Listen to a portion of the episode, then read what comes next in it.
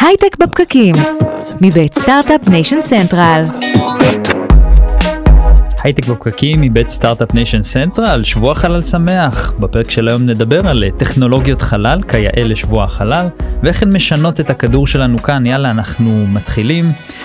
אורי, מה נשמע? שבוע החלל, אתה מבין? כדור הארץ הקטן, מקדיש שבוע לכל מה שהוא לא כדור הארץ, כן, לכל השאר. קצת מתנשא מבחינתו. כאילו שכחנו שאנחנו לא מרכז היקום, כן. ש- שקרתה המהפכה הקופרניקאית, שבוע אחד כל החלל מקבל. הכדור שלנו מקדיש שבוע אחד לחלל, זה יפה. זה אני, יפה. אני מקווה שנדע בסוף הפרק הזה אם יש חייזרים. כן, אני גם מקווה, אני הולך לשאול את אה, המרואיינים שלנו את השאלות האלה. אה, ורק אני אגיד שאנחנו משדרים לכם אה, מהאולפן שלנו ב Start-Up Nation Central בפייסבוק live וכלכליסט ואיצטדיון הסטארט-אפ אתם אה, יכולים לחפש אותנו בכל אפליקציית פודקאסטים מועדפת עליכם אז אם אתם שומעים אותנו פה אתם יכולים לשמוע אותנו גם שם פשוט תקלידו בפקקים. ואנחנו נהיה שם. נמצא איתנו כאן ליאור הרמן מ Type 5 אהלן ליאור אהלן, בוקר טוב. בוקר טוב אז ספר לנו מה אתם עושים ב Type 5. אנחנו הקמנו בעצם את הקרן אה, אה, ההון סיכון הראשונה בישראל שעוסקת בעולמות ה aerospace וה space tech, במטרה באמת לבנות בישראל אה, ובעולם אקו סיסטם של טכנולוגיה לתחום החלל, טכנולוגיה פרטית, שיכולה בעצם לשכפל את ההצלחה של הייטק הישראלי גם לתחום החלל. כשתחום החלל מעבר לתקשורת ו-GPS, אילו עוד דברים אנחנו מדברים עליהם כשמדברים על טכנולוגיית חלל? אנחנו למעשה מדברים כמעט על כל תחום שנמצא לידינו ביום יום, החל ממזון, אה, תרופות, אנרגיה ועד אה, עד רמות של מחשוב. רגע רגע מזון תרופות אנרגיה איך זה משתלב בחלל מזון בחלל תרופות בחלל אנרגיה בחלל איך זה נ- עובד נתחיל מזה שהחלל כחלל הוא סביבה תעשייתית ופיזית ששונה מהסביבה בכדור הארץ. ככה שכל אה, אלמנט שנרצה לבנות שם או לייצר שם או, או למדוד שם מבחינת אה, אה, אנליזה, אנחנו נקבל תוצאות אה, שונות, מדויקות יותר ואופטימליות יותר. ורק הנתון הטבעי הזה הופך את החלל בעצם לקרקע לפיתוחים, לחידושים, ל- לבדיקות של חומרים, כמו שאמרתי, בכל אחד מהתחומים האלה, אם זה רפואה, אם זה מזון, אה, אם זה אנרגיה, ומאפשר בעצם להגיע להיבטים שקודם לא, לא, לא היה גישה בעצם אליהם. זאת אומרת מה שאתה אומר שהחלל הוא בעצם קרקע טובה אה, לייצר ניסויים או, או חדשנות מסוימת שיכולה לשמש אותנו פה על הכדור בגלל התנאים המיוחדים שיש בחלל. נכון. אה, יש מקומות שונים בחלל שנותנים תנאים שונים לדברים שונים או איך זה בדיוק עובד. החלל בעצמו הוא הרי הוא עצום, הוא אי אפשר באמת למדוד אותו. כן.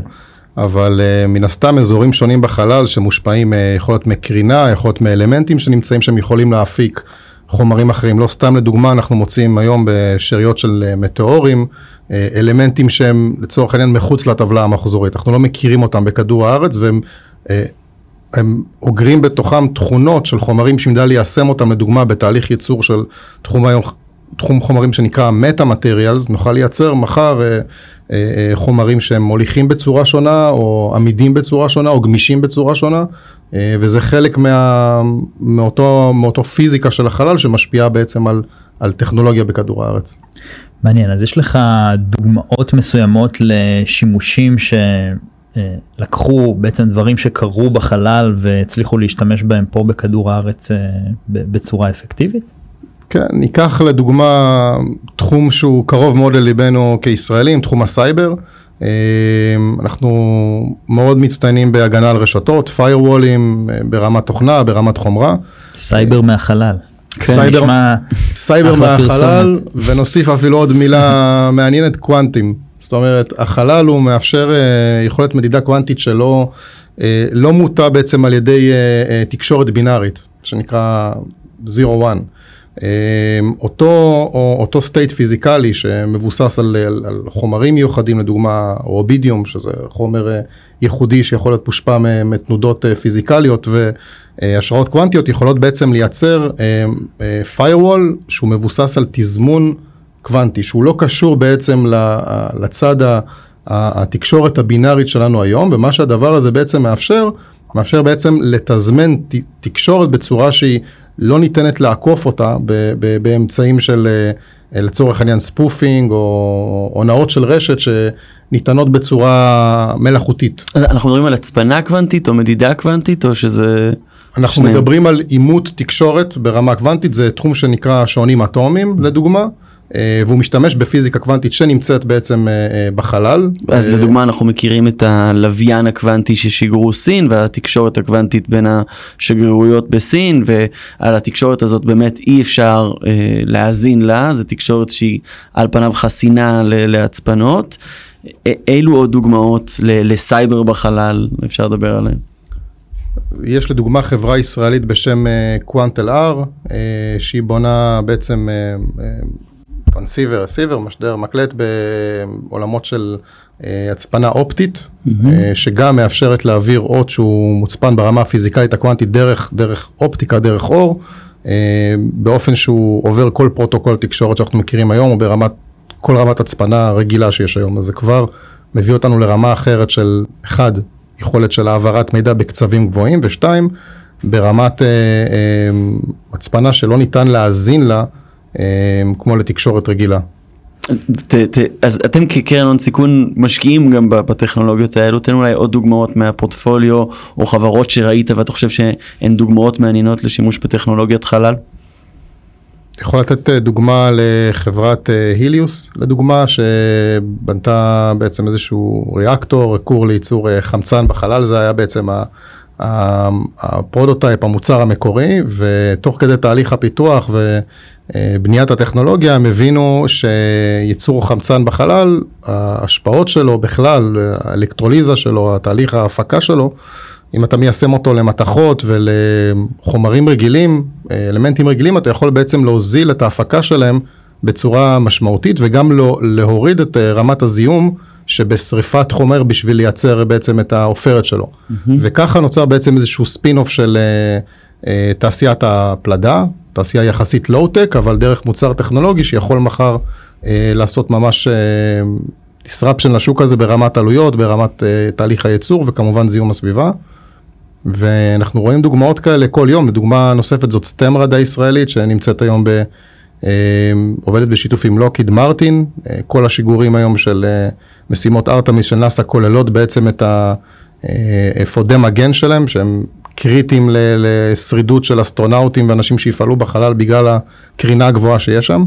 וסטמרד זאת גם דוגמה מצוינת, כי הם ניסו לפתור בעיה בעצם של לשמור על החיים ועל הבריאות הפיזית של מי שפועל בחלל, אבל הפועל היוצא של זה הוא יכולת של הגנה מקרינה לרדיולוגים בבתי חולים, אה, עולמות של אה, תעופה, aviation, כורים גרעיניים, ונוצר פה בעצם, אה, אפשר לקרוא לזה ספין אוף של המון המון טכנולוגיות ארציות שצריכים אותם ביום יום לתפעול היום בבוקר, לצורך העניין, לא מחר במשימת ארתמיס בירח.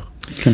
מי היזמים או היזמיות שהולכים ומפתחים טכנולוגיות חלל זה נשמע לי כמו משהו שהוא אתה צריך איזשהו אה, רמה מסוימת של ניסיון האם זה יותר אנשים שמבינים בחומרים בטכנולוגיות חומרים או בטכנולוגיות תעופה והולכים בעצם לכיוון של אה, יש לנו תגלית אוקיי עכשיו בוא נגייס כסף מתי הם באים אליך בעצם. אנחנו פוגשים אותם למעשה בהרבה שלבים, אבל לרוב, וזה דווקא להפתעתנו הטובה, הרבה פעמים דווקא אחרי שהם כן גייסו איזשהו סכום של אה, כסף, הרבה פעמים אה, ממענקים סוכנויות החלל, אה, מאנג'לים פרטיים גם, שזה גם מפתיע מאוד. מאוד. ובאמת הרקעים שהם מגיעים גם מעולמות של deep-tech, שהייתי מצפה לזה, כמובן רקע פיזיקלי, רקע מדעי, אבל הדבר שיותר מעניין שלא רק, בשנים האחרונות יש שינוי מאוד גדול בחברות enterprise כמו מייקרוסופט ואמזון, הם, הם מייצרים היום כלים ו-APIs וממש מנועים, מנועי תוכנה שעושים שימוש לדוגמה בדאטה מלוויינים ובונים base station as a ובעצם גם חברות טכנולוגיות מעולמות התוכנה שכולנו מכירים בישראל יכולות היום להתחיל לפתח אפליקציות או מערכות ניטור או מערכות אופטימיזציה על גבי דאטה שמגיע היום לענן מרכיבים חלליים. זאת אומרת, אנחנו רואים את כל הקשת, החל מטכנולוגיות באמת מאוד מאוד עמוקות, ועד לפתרונות של אינטגרציה ותוכנה ויישום אה, של נתונים שמגיעים היום לענן, וזה כבר פוגש אותנו בעולמות האפליקטיביים שכולנו מכירים ויודעים איך הייתי- לעבוד איתם. הייתי מניח אבל שבאמת אנחנו מאוד בתחומי ה-deep-tech ושהשקעה בתחום של חלל בטח לוקח לה הרבה הרבה זמן עד שתצפה לראות תשואה חזרה על כסף. הכסף. כן. כן. אז איך, איך אתה כמשקיע מתמודד עם הסיטואציה הזאת ואם זה באמת ככה שהאינטרוולים הרבה יותר ארוכים. קודם כל נחלק את זה לשניים, תמיד אה, בכל השקעות הון סיכון, מן הסתם לא כל חברות הפורטפוליו מצליחות ומגיעות לאקזיט, זה דבר לא, ידוע, ברור. זה לא, לא רק בקרן הון סיכון בתחום החלל. דבר שני, אנחנו בגלל הייחודיות של, ה, של השוק הזה, אה, פועלים כקרן הון סיכון מאוד מאוד פעילה, hands on ברמה של לעזור בשירותי advisory שהקמנו בתוך טייפ 5, אה, זאת אומרת לסייע בעולמות של החל מפיתוח העסקי והטכנולוגי וה-go to market, ה-positioning ועד לרמה של M&A's, ופה זה מביא אותי לנקודה שאנחנו מחפשים לעזור לחברות לא בהכרח להגיע לאותו אקזיט נכסף, אבל הר- בהרבה מקרים אה, יכולה להיות איזושהי acquisition לתאגיד גדול שצריך את הטכנולוגיה, זה יכול להיות איזשהו M&A, איזשהו מיזוג לתוך פלטפורמה שזקוקה לטכנולוגיה, ובעצם לראות איך ממסחרים באופן הכי מהר בשביל לאפשר מה שנקרא אירוע ליקווידציה למשקיע. ולטכנולוגיות האלה באמת לוקח הרבה זמן להבשיל כמו שאורי שואל? לא בהכרח, אני חושב שהיום אה, לפי נתונים של בוסטון קונסולטינג גרופ, הסייקלים הם בין שלוש לחמש שנים לטכנולוגיה עובדת. כך שאם באותם שלוש או חמש שנים הצלחת ליצור את אותו ראש גשר לתאגידים נכונים, ל-go to market נכון, שוב, מהעולמות שכולנו מכירים, אז סבירות מאוד גבוהה שהמוצר כבר ייכנס ל-scaling, אפשר יהיה להתחיל איזשהו תהליך של M&A's או תהליך של אה, הטמעת הטכנולוגיה בחברה גדולה, ואז באותו אירוע המשקיעים כבר יכולים לקבל איזשהו אה, החזר על הכסף, גם אם מדובר על גיוסי המשך, שבו בעצם המשקיעים המוקדמים מושכים חלק מההשקעה שלהם החוצה, וזה גם חלק מהאסטרטגיה כדי להקל על, ה, על המחזוריות ב, אה, בשוק הזה. ובאמת מי, ה, מי הלקוחות הפוטנציאליים הזכרת את התאגידים הגדולים שנכנסים למשחק הזה אבל תקציבי חלל לרוב הם ענקיים לצורך העניין לפני שבועיים היה את המשימה שריסקו את, ה, נכון, את החללית, החללית. בתוך האסטרואיד אז זו הייתה משימה יחסית זולה והיא עלתה כמה מאות מיליוני דולרים. אה, פרויקט כמו ארתמיס זה כבר עשרה מיליארד ומעלה אבל התקציבים האלה הרבה פעמים מגיעים משיתופי פעולה בינלאומיים של, של ממשלות ובכלל הייתי מצפה לתקציבים ממשלתיים מאוד גדולים. האם זה הלקוחות שאתה בסופו של דבר מחפש? בסופו של דבר פחות, אנחנו יותר מחפשים לעבוד עם הסוכנויות החלל והממשלות והגופים המוסדיים בשביל ליצור את, ה, את החיבורים, את הממשקים, לדעת מה התעדוף שלהם מבחינת טכנו- טכנולוגיות ומה הם צריכים, אבל בסופו של דבר כשאני מדבר על תאגידים גדולים, דווקא קח דוגמא את מרצדס בנז כ-case study, זאת חברה אחת המובילות בעולם בתחום הרכב, שהיום כולנו מבינים שרכב זה בעצם סופר קמפיוטר על, על גלגלים, שמחובר באופן קבוע לרשתות תקשורת, זקוק ל, לשלל אה, יכולות מסייבר ועד אה, אה, יכולת איכון בכל מקום בכדור הארץ לצורך העניין, ותאגידים כאלה צריכים היום את הטכנולוגיית, את האדג' הזה של החלל, והם מחפשים אותו, אנחנו בקשר עם, עם כאלה גופים. ו- וזה בדיוק הדוגמאות. מה זה אומר שהם מחפשים את האדג' הזה של החלל בעצם? למשל מרצדס, מה הם מחפשים? לדוגמה, מרצדס מעניין אותם למצוא, אה, יכולת למצוא רכב שעבר תאונה ואין לו יכולת לתקשר. ואנחנו עוזרים להם למצוא פתרונות, אם זה ביכולות של אה, תקשורת חכמה, מה שנקרא מש, ועד רמה של אה, אה, לאתר עבורם אה, יישומים על גבי אה, ננו לוויינים שיכולים מחר לאתר רכב שנפגע והוא הוא לא זמין לתקשר. למה מדינות משקיעות כל כך הרבה בחלל? אנחנו אולי מתחילים להבין את זה אבל אני רוצה ככה פעם זה היה קרב אגו, כן? פעם הרוסים האמריקאים היו מתחרים זה כן בזה. בדיוק אבל עכשיו- עכשיו זה נראה ש... כן זה, זה נראה שיש הרבה השקעות עדיין בחקר החלל למה זה קורה? תראה, אמ, יש לנו בטייפ 5 הרצאה מאוד מעניינת של קולונל סטיבן קווסט, שהוא היה אחד האדבוקטס המובילים בארצות הברית, שדחפו להקים את הספייס פורס, את זרוע החלל האמריקאית, והתזה שהוא הוביל, עם עוד הרבה בכירים באמריקה, הייתה שאם לא יושקע הון משמעותי בסקטור הפרטי, לא ייווצר בעצם כלכלת שוק שהיא איתנה, שאפשר יהיה מצד אחד למסות אותה ולהרוויח ממנה כממשל, ומצד שני לא ייווצר אותו יתרון תחרותי כלכלי שמחר יוכל להתחרות במדינות אחרות. והיום רוב המדינות בעולם מבינות את, ה, את הצורך התחרותי הזה להיכנס לו, לאותו שוק, ולכן הן בעצם מוציאות המון מהתקציבים שלהם בשביל לבנות את כלכלת השוק הזאת. כי ברגע שהיא תגיע לרמת קיימות, מה שנקרא ססטנביליות, אז כבר לא יצטרכו את הממשלה, לדוגמה, שוק הרכב, שפורד התחילה לייצר את הרכבים והתחילו לתת אה, מימון לרכבים, זה לא קרה בגלל שהממשלה עזרה לפורד להקים את הממשלים, זה בגלל שהרכב כבר הפך להיות כלי כל כך יומיומי וכל כך נדרש, הוא בנה את כלכלת השוק שלו. Mm-hmm. זאת אומרת, המדינות היום מבינות שהן חייבות לתת את, ה, את האדג' הזה, את, אותו, את אותה דחיפה בשביל לבנות את כלכלת השוק הפרטית, ואתה רואה את זה מהאמירויות, אוסטרליה, יפן, ישראל, אירופה, ארה"ב כמובן, שיש שם את הרצון להיות מעורבים בכלכלה הזאת. אבל זה נשמע כאילו יש ביניהם ממש תחרות למי ישיג הישגים יותר גדולים, מי יביא יותר חדשנות, מי אה, יפצח משהו, זה, זה ממש תחרות בין המדינות. זו תחרות מצד אחד ומצד שני יש המון המון שיתופי פעולה לדוגמה הסכמי ארתמיס שחתומים עליהם עשרות מדינות כבר. בוא, בוא נדבר אגב על, על ארתמיס. אז באמת ארתמיס זה, זה אירוע בינלאומי ראשון מסוגו בעולם אה, אני קורא לזה נאטו בעצם קואליציית נאטו אזרחית ל, ל, לפעילות בחלל. חתמו עליה עשרות מדינות החל מערב הסעודית ישראל מקסיקו אמירויות יפן. אה, וכולי, ובאמת המטרה שלה אה, היא לבנות את כלכלת החלל בסביבה של כדור הארץ, הלאו, מה שנקרא, המסלול הנמוך, ועד אזור הירח. עכשיו מדובר גם על מחצבים, גם על שינוע, גם על תקשורת, גם על רגולציה באופן כללי, והשווי שמוערך לארתמיס בעשרות השנים הקרובות, מדובר על 50 טריליון דולר בכלכלה העולמית. וואו. עכשיו, כשמבינים את, את, את, את המגנטוד, את הגודל של הדבר הזה, של האירוע הזה, אפשר מהר מאוד להבין למה מדינות רוצות לקחת חלק ולבנות תשתיות להיות חלק מהמערך הזה, וזה מגיע עד לרמה שיש שם מדינות שפעם ראשונה אחרי שנים מחדשות או מקימות מערך של אה, שיגורים, שלא היה להם אותו בכלל. וזה חלק מאותה הקמת תשתית. ליאור הרמן, טייפ 5, תודה רבה שהיית איתנו ונקווה שניפגש במאדים, נעשה ריאיון מתישהו גם.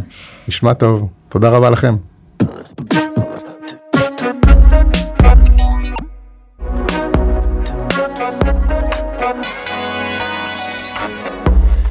ונמצאת איתנו כאן אמה ורדימון, דירקטור שותפויות גלובליות בסטארט-אפ ניישן סנטרל, שלום אמה. היי, שלום, כיף להיות כאן, לדבר על הנושא שאני הכי אוהבת בעולם, חלל. זה טוב, זה טוב. אז אה, אולי בואי נמשיך מהמקום אה, בו הפסקנו עם ליאור, תוכנית ארתמיס, אמרנו 50 טריליון דולר, מספר קצת בלתי נתפס. מה זאת התוכנית הזאת בעצם? מה, מה אנחנו רואים שהולך לקרות עוד איקס uh, שנים? אה, אז תוכנית ארתמיס באמת uh, היא, הוא מאמץ רב-לאומי, באמת ש-14 מדינות שותפות לו. כל הנושא באמת של הפעילות של החלל, אנחנו מתייחסים לחלל בעצם בשני אופנים, אחד באמת כמשאב טבעי, שהוא סביבה באמת למו"פ עבור חברות, עבור סטארט-אפים בתנאים קיצוניים. אה, וכל הנושא הזה באמת, אה, ראינו את זה קורה בתחנת החלל הבינלאומית שממוקמת כ-400 אה, קילומטרים מעל פני כדור הארץ וזה עדיין עכשיו ברמה של ה... ליאו של, ה, של השכבה הנמוכה של... ליאו מה, מה באנגלית זה? זה לא Earth Orbit. אז זה הקרוב יותר. זה כן. הקרוב יותר כן. אלינו, mm-hmm. שלאט לאט בעצם המדינות קצת משחררות את ידם ונותנות ליזמים פרטיים ולחברות פרטיות ככה להיות יותר פעילות והן ממקדות את המאמצים שלהם יותר לחקר של מה שנקרא ש- Human Deep Space Exploration, להביא אנשים באמת שיחיו יותר זמן בחלל, שיוכלו לשהות בחלל, לבנות מושבה על הירח ולאחר מכן במאדים. אפשר לשאול, מה המטרה? למה, למה לשלוח אנשים? הרי זה נורא יקר. אז למה, למה זה חשוב? משעמם. מה זאת אומרת? מה, להיות בחלל? אה, משעמם פה על כדור הארץ. לא, משעמם פה, אז... כן. קודם כל, אני חושבת שגם ה... כולם אוהבים את האתגרים האלה, זה אתגר מאוד גדול, באמת, יש הרבה מאוד uh, תנאים קשים, גם של קרינה, של מיקרו כבידה שמשפיעים עלינו. זה מביא צורך בפתרונות אני בהמון בינתיים שומע רק למה לא. כן, כן. לא, אז, אז יש המון פתרונות באמת uh, מאוד מעניינים, באמת, ש, של צרכים ש, שמסתכלים עליהם שהם פחות ה-deep-tech שליאור התייחס אליו, אלא יותר באמת אה, צרכים של אה, לאכול בחלל, לייצר את האוכל שלנו, לגדל את האוכל שלנו, צרכים של רפואה בעצם, אה, שתהיה שמישה מרחוק בחלל, יש המון ניסויים שנעשים היום גם בתחנת החלל הבינלאומית, שזה המקום, גם דרך אגב במשימת רקיע. אה, שאיתן סטיבה חזר ממנה לפני חצי שנה, אז הוא לקח איתו כ-40 ניסויים, שנעשו בו ניסויים גם כן על אה, מאמצ... מה קורה ללב שלנו, מה קורה לקרנית שלנו, מה קורה לקרינה, על הגוף שלנו, על מיקרו כבידה. אה, זו סביבה ניסויית. זו סביבה ניסויית מאוד מעניינת. אתה, אתה יכול צרכים. לגלות הרבה דברים גם על העולם שלך, נכון. וגם אולי, לא יודע, אולי אה, ביום הימים ישירו אנשים על המאדים ברגע שהאדם ירחיב פה את מה ש... כן, כן. שיגמר לנו המשאבים פה. כן. אז, אז כל הפתרונות האלה בעצם, גם יש צרכים, אה, רוצים היום, בעצם חברות פרטיות הולכות להקים תחנת, במקום תחנת החלל הבינלאומית שהולכת לצאת משימוש, אז יוקמו בעצם תחנות חלל פרטיות שהמטרה שלהם היא גם באמת הנושא של, של מחקר, של ייצור בחלל וגם תיירות חלל וגם השהות של האנשים בחלל, אה, כל מיני בעיות באמת של שינה, אני מכירה יזמית אה, שיש לה סטארט-אפ בעצם, ש, שכבר יש לה איזשהו פטנט רשום על uh, פתרון של בעיות שינה בחלל, mm-hmm. סקס בחלל גם כן, שזה בחלל. נושא טאבו, שלא כל כך מדובר עליו, אבל uh, שמן הסתם אם אנחנו מסתכלים קדימה על שהות של בני אדם, אז צריך שיהיה לו פתרון. צריך גם לפתור את הדבר הזה, כן. גם. תיירות חלל זה נשמע לי כאילו משהו עוד uh, קצת בדיוני, איפה זה נמצא היום ואיפה רואים את זה מתקדם. היום רק מיליארדרים, מיליארדרי על יכולים לטוס לחלל, איפה זה... אז, אז זה, זה נכון שהיום זה בעיקר אנשים בעלי אמצעים, אבל ככל שיפתחו את הטכנולוגיות ויפתחו את הסביבות, ובעיקר שהשוק הזה יהיה פרטי ויהיה בעצם איזשהו אה, אינטרס באמת אה, כלכלי להביא את האנשים, אה, זה, זה מאוד יקפיץ את השוק הזה, זה ידרוש גם הרבה פתרונות, באמת כמו שאמרנו, גם של שינוע יחסית אה, ככה בצורה יותר ידידותית. שיהיה נוח, שיהיה נוח, לישון, שלא... ביטוח. ביטוח. ניסויים, כל מיני, כן, שאלות של רגולציה, של ביטוח, של... אה, מתי ניכנס לאתר של ביטוח, נקנה ביטוח ו... כן, ראיתי באחת, דרך אגב, יש כבר באחת החברות ביטוח, יש, יש לך שאתה נכנס לביטוח לחו"ל, כל מיני אופציות, ויש גם... ביטוח לחלל, אה, כן, לא מאמין, נראה לי זה שיווק, מה ש... כן, זה, זה קצת שיווקי כרגע, זה עוד לא קורה, אבל באמת הנושא של, אה, למשל יש אה, סטארט-אפ בשם א' פארם, שמגדל באמת בשר מתאים חיים, אז הם כבר עשו ניסוי בחלל, וזה הביא להם באמת איזשהו... אה, שיתוף פעולה גם אה, מול נאסא, שיאפשר להם לקחת אה, במשימות חלל היותר ארוכות בעצם, mm-hmm. אנחנו נצטרך להיות הרבה יותר, בגלל התנאים המאוד קשים באמת הסביבתיים, אז אתה צריך להיות מאוד רזה כן. במה שאתה לוקח איתך, ולייצר שלך. רק את הצרכים שלך, את האוכל שלך, למחזר בצורה מאוד אפקטיבית, לעמוד בתנאים באמת של, אה, של, שהסביבה המאוד מצומצמת הזאת דורשת, וגם כל הפתרונות האלה אחר כך שיוכלו אולי לשדרג אותם, לעשות להם scale על כדור הארץ, שם באמת אולי זה יביא לנו כל מיני פתרונות חדשים שאנחנו כל כך מנסים להשקיע באמת פתרונות בר קיימא כאן. יש הרבה פעמים בסרטים של מדע בדיוני שלפעמים הם חוזים את העתיד הדברים האלה אז, נכון. אז כן. בסרטים כאלה לפעמים רואים כזה מין ספינת חלל ענקית שנראית כמו מין מלון אה, גדול שיש דואגים לך לכל הצרכים ואתה כבר סוג של חי שם כמה שנים. עד כמה זה משהו שהיום עובדים עליו ואת מדברת על פתרונות שינה פתרונות אה, אוכל עד כמה זה משהו שלאט לאט הופך להיות יותר כזה ופחות אה, אסטרונאוט ככה מתקלב לו בחלל. והחיים שלו בינתיים מתקצרים, האסטרונאוטים. כן. אז, אז זה מתקרב לשם, אבל זה, זה עוד, יש עוד דרך ארוכה, אין ספק, כאילו יש עוד דרך ארוכה עד שנוכל אה, לעשות אה, שהיות חלל. ארוכות בגלל באמת הנושא של הקרינה, של, של ה... התנאים הקיצוניים אה, מבחינת הטמפרטורה וההשפעה של מיקרו כבידה גם על הגוף שלנו, mm-hmm. אבל יש הרבה מאוד ניסויים באמת גם בתחום הרפואה, בהמשך באמת למשימת רקיע, אז גם uh, בשיבא פתחו גם כן uh, uh, מחלקה לחקר רפואת חלל. שמובלת על ידי דוקטור ש- אה, הראל בריס. רפואת חלל זה, זה המשך למחקרים בחלל, או שזה איך לטפל באסטרונאוטים לצורך העניין? אז, אז זה גם וגם, גם אה, למשל SpacePharma זה סטארט-אפ ישראלי שיש לו אה, בעצם אה, מעבדות קטנות סגורות שמאפשרות לך לעשות חקר גם של וירוסים, גם של אמולסיה של חומרים, גם של אה, ייצור תרופות חדשות בעצם בגלל התנאים המיוחדים, גם ההשפעות, אה, כל מיני ניסויים של השפעות באמת של הקרינה ואיך לפתור. לקחו גם כל מיני תאים סרטניים לראות איך הם מתפתחים או מתרבים ואיך אפשר אולי לפתור את זה ואיך אפשר, זאת אומרת כל, ה, כל הפריזמה השונה הזאת עוזרת למצוא אולי פתרונות ממקום אחר גם כן ו, ואז הסקייל של זה על כדור הארץ יוכל לעזור לנו בעצם למצוא גם כן פתרונות פה לבעיות אה, שקיימות. עד כמה המשקל הולך יותר לכיוון של אנחנו חוקרים את החלל כדי לפתור בעיות פה, לעומת עד כמה אנחנו מחפשים פשוט לחקור את החלל כי אני לא יודע כי אנחנו רוצים להושיב את מאדים או כי אנחנו רוצים לגלות דברים או עד, עד כמה בעצם כל אה, אה, פרמטר כזה משחק תפקיד. אז יש את החלום באמת אה, והרצון באמת לפרוץ את הגבולות, תמיד אנחנו מחפשים לפרוץ את הגבולות שלנו, גם טייפ 5 בעצמו זה איזה סוג של אבולוציה של, אה, של האנושות, בעצמם אה, בחרו את השם הזה של להיות אינטרסטלר humanity.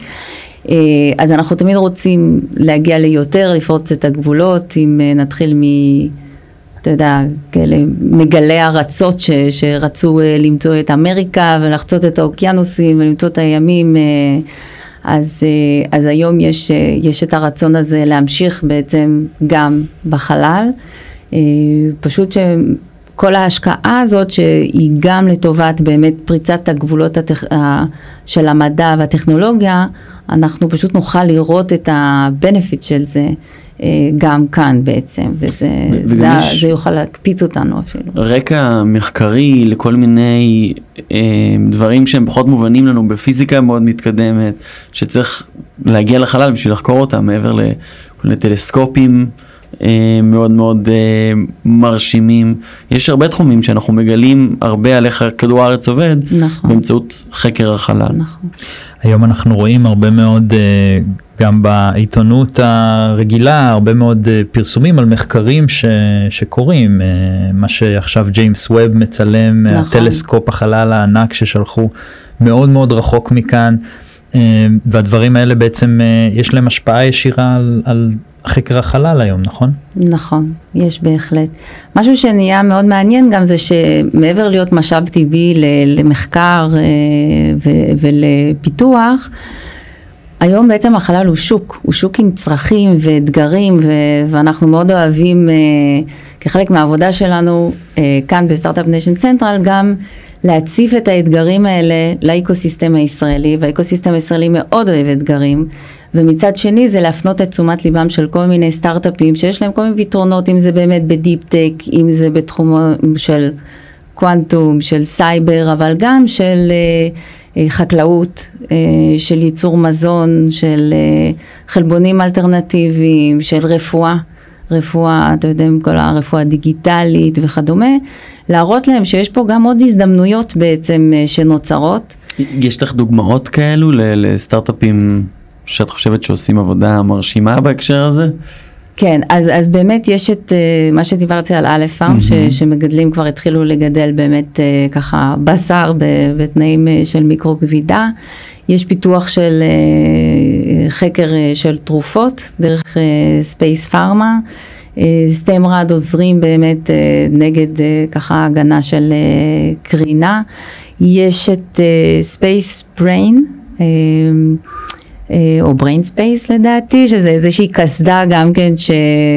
אה, שבעצם עם כל מיני אלקטרודות בודקת אה, מצב הרוח שלך, כאילו בודקת שאתה פעיל ככה, מה, מה הפעילות וואו. במוח ומצב הרוח שלך, אז כן. אה, גם כדי לנטר בריאות מנטלית בעצם, אז יש כל מיני בעצם, אה, והרבה גם אה, בשוק הזה הרבה חברות גם צריכות לשרת בעצם את התעשייה הזאת ואת התקציבים האלה ואת החלליות ואת המערכות הנאה למיניהן, אה, אז, אז זה גם חלק מתוך, ה, מתוך השוק הזה, הוא בעצם לשרת את כל חקר החלל הזה שמושקעים נכון, גם בו. ייצור, יש גם צרכים ב, בייצור, אז לייעל תהליכי ייצור, לאפשר חומרים. יש אה, חברה בעצם שמייצרת איזשהו חומר שהוא שחור, באמת הנושא הזה של האיתום השחור שהוא מאוד אה, חשוב, זה צבע מאוד אה, מיוחד.